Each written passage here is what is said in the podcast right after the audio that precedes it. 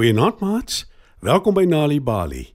Vanaand se storie, Nare Hekse, is geskryf deur Robert Muponde. Skyf nader en spits julle oortjies.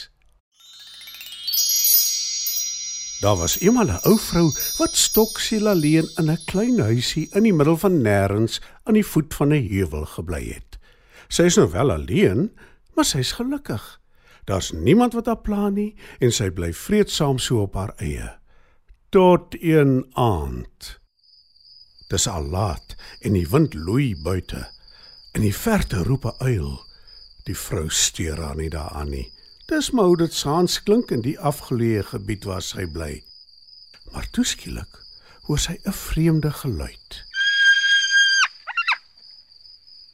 Wat kan dit wees? Wonder sy. Sy trek die gordyn weg en loer by die venster uit.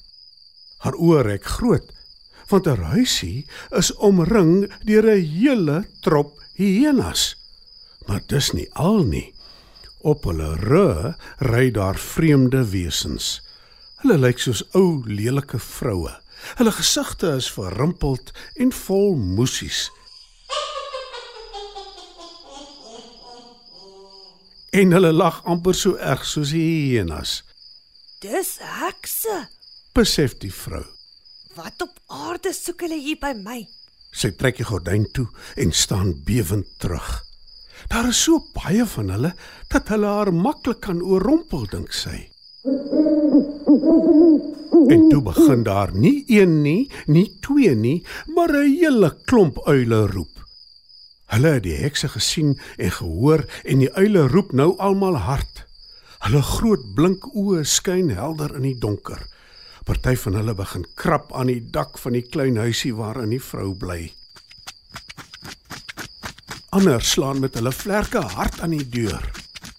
Die hyenas lag en roep die hele nag lank en die arme vrou slaap glad nie. En asof dit alles nie erg genoeg is nie, skree een van die hekse. Ek het lanklaas op 'n ou vrou se rug rondgery. Kom uit dat ek jou kan sien.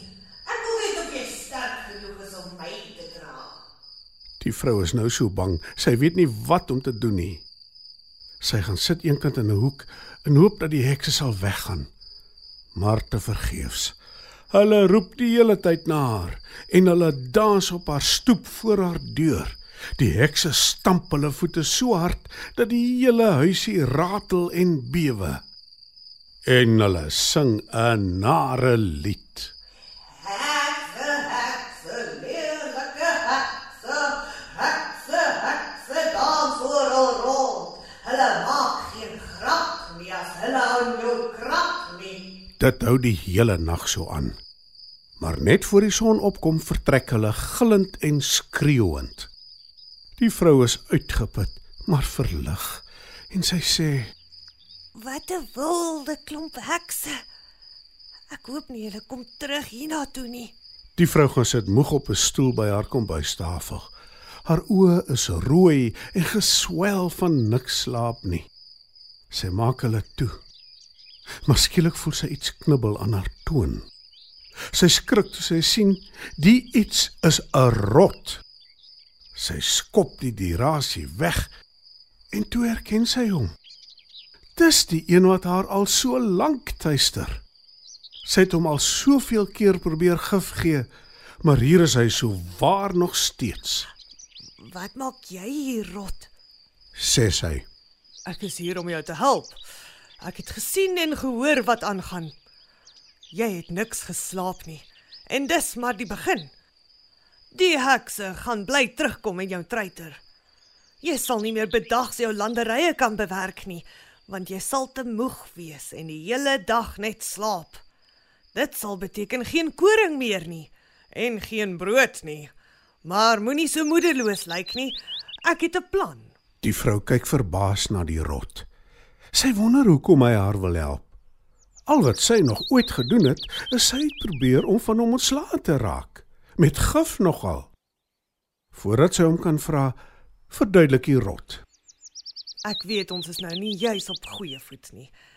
En jy het my probeer vergiftig, maar ek het jou meel gesteel waarmee jy brood bak. Ek moes jou dalk eerder gevra het.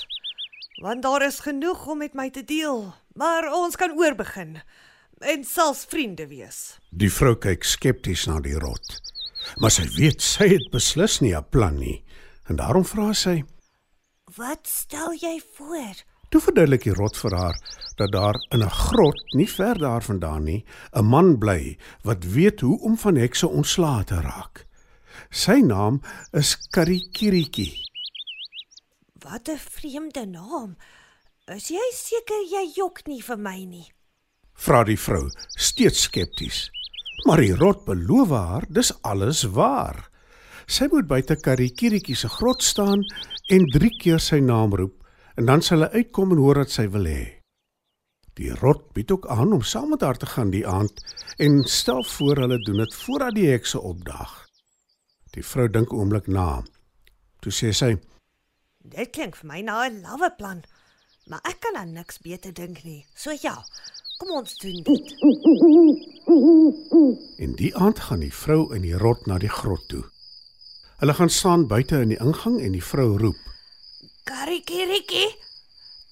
Karikiriki. Karikiriki. Sy wag geduldig en na ruk hoor sy dit. Iemand is op pad uit die grot na die ingang toe. Die vrou se eerste reaksie is om weg te hardloop, maar die rot keer haar. Dis Karikiriki. Hy is op pad. Sê die rot. En so waar, na ruk staan daar 'n groot man in die ingang van die grot. Die vrou kan hom nie mooi sien nie, maar toe hy haar vra wat haar probleem is, verduidelik sy wat aangaan. Karikiriki stem in om haar te help. Hy hou niks van hekse nie. En net toe hoor hulle die klomp nader kom, die hekse op hulle hyenas. Uit ons pad uit almal. Roep een van die hekse. Daar is ook skielik weer baie uile. Waar's die ou vrou? Vanaand ry ek op haar rug. roep die heks. Maar toe verskyn Karikiriki uit die grot. Die hekse skrik groot en val een vir een van hulle hyenas af. Die hyenas hardloop verskrik weg en die uile verdwyn in die nag. Maar net voordat Karikiriki die hekse ook verjaag, kry die vrou 'n blink plan en roep: werk julle nie bedags in my landerye nie?